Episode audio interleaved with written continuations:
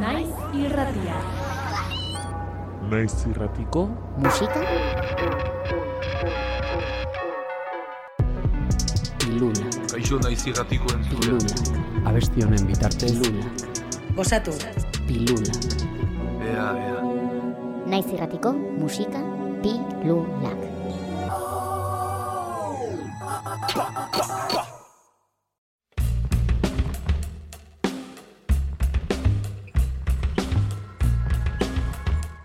Kaixo, Jon Aranburu naiz, kompost taldeko gitarra jotzailea, eta gure diskoa aurkezteren ator, taldearen izen bera duena, kompost. Taldea duela lau iruzpala urte sortu genuen.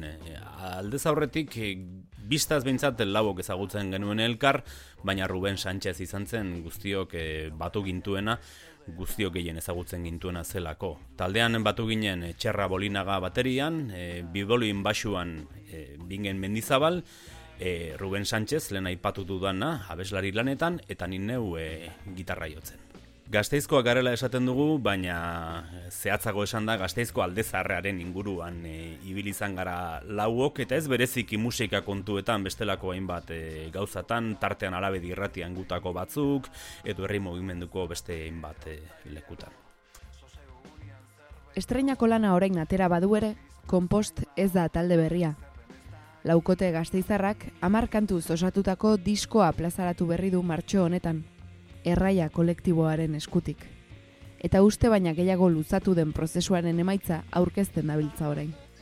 Diskoaren sormen prozesua nahiko laburra izan zen urtebetean edo pixkanaka pixkanaka entzaiatzerako gelditu eta sortzen joan zitzaizkigun kantuak. Ez gara gai edo soinu konkretuen bile ibili, gehiago izan da gu lauon elkarguneak topatu eta hor ba, askotan improvisazioaren bidetik edo etxetik ekarretako zenbait bozetoren bitartez ba, egin izan ditugu kantuak eta kantu horiek ba, gorpuzten joan dira. Duela bia bi urte edo grabatzeko erabaki hartu genuen eta hasi ginen eh, martxan jartzen grabazio prozesua, hobeto entzaiatu, norekin grabatuko genuen erabaki eta hori guztia. Segituan atera zitzaigun eh, Joseba Baleztenaren, Joseba Belenuarren eh, izena, ezagupidez, hau ere, eta soinua oso gustuko genuenez, e, berak bere diskoetan ateratzen zuena, eta bazuen ez ere Josebak estudio bat martxan, ba berarekin hitz egin eta arekin e, grabatu dugu diskoa. 2019an hasi ginen e, diskoa grabatzen, baina hainbat istripu tarteko besteak beste, ba, gerora etorri zen e, pandemia bat, guztia atzeratu egin zaigu eta grabazio hori amaiera e, 2008ko uztailean e, eman genion. Nasketa prozesuak ere luzatu egin dira eta zain ere egon gara, ea hau egunen batean bukatuko otezen, baina itxura batean ez denez bukatzen e, oraindik, ba, publiko egitea erabaki dugu eta orkeste bidean ere jarri gara. Oikoa dute musikariek haien lana definitzeko erresistentzia. Entzuleak bere lana egin dezan edo. Komposten kasuan, kantuak entzunda, esan liteke historio xelebreak asmatu edo kontatzeko joera duela taldeak. Abestien izenburuek adierazten dutenez. Gitarra zikin eta bateria pisutsuekin, roka eta zenbait kantuetan blusa heltzen zaigu belarrietara komposten eskutik. Geure taldean e, aurkitzen direna erreferentzia ugari dira. E, nor bere mundutatik dator eta horre guztiak osatzen ditu gure musika erreferentziak. Rock kutsuko kantuak direla esan e, dezakegu, nengo zalantzarik gabe, baina hor bestelako jartzun asko ere lehen aipatu ditudan eraginek eragindakoak ere badaude. Hortaz, e, zaila zaigu definitzea, ez da ez dut uste gure kosua bakarrik izaten denik, musikarik ere hienei ere kosta egiten zaigu definitzea guk egiten duguna e, zer den, beraz egokiena geure diskoa entzutea izango da. Sareko hainbat plataformatan topatuko duzue, edo bueno, zuzenean e, ikusten bagaitu zue, bas, are hobe. Hau dugu, kompost taldearen zurrumbiloan zamalka kantua. Etxia baina nahi dira. Ez din ondolorik egin. Jolasa hasi da bai Hori badaki. Tauta gaiak prestaudeta Hauzarata giruan. Mezuak nahasten dira Inbaditurik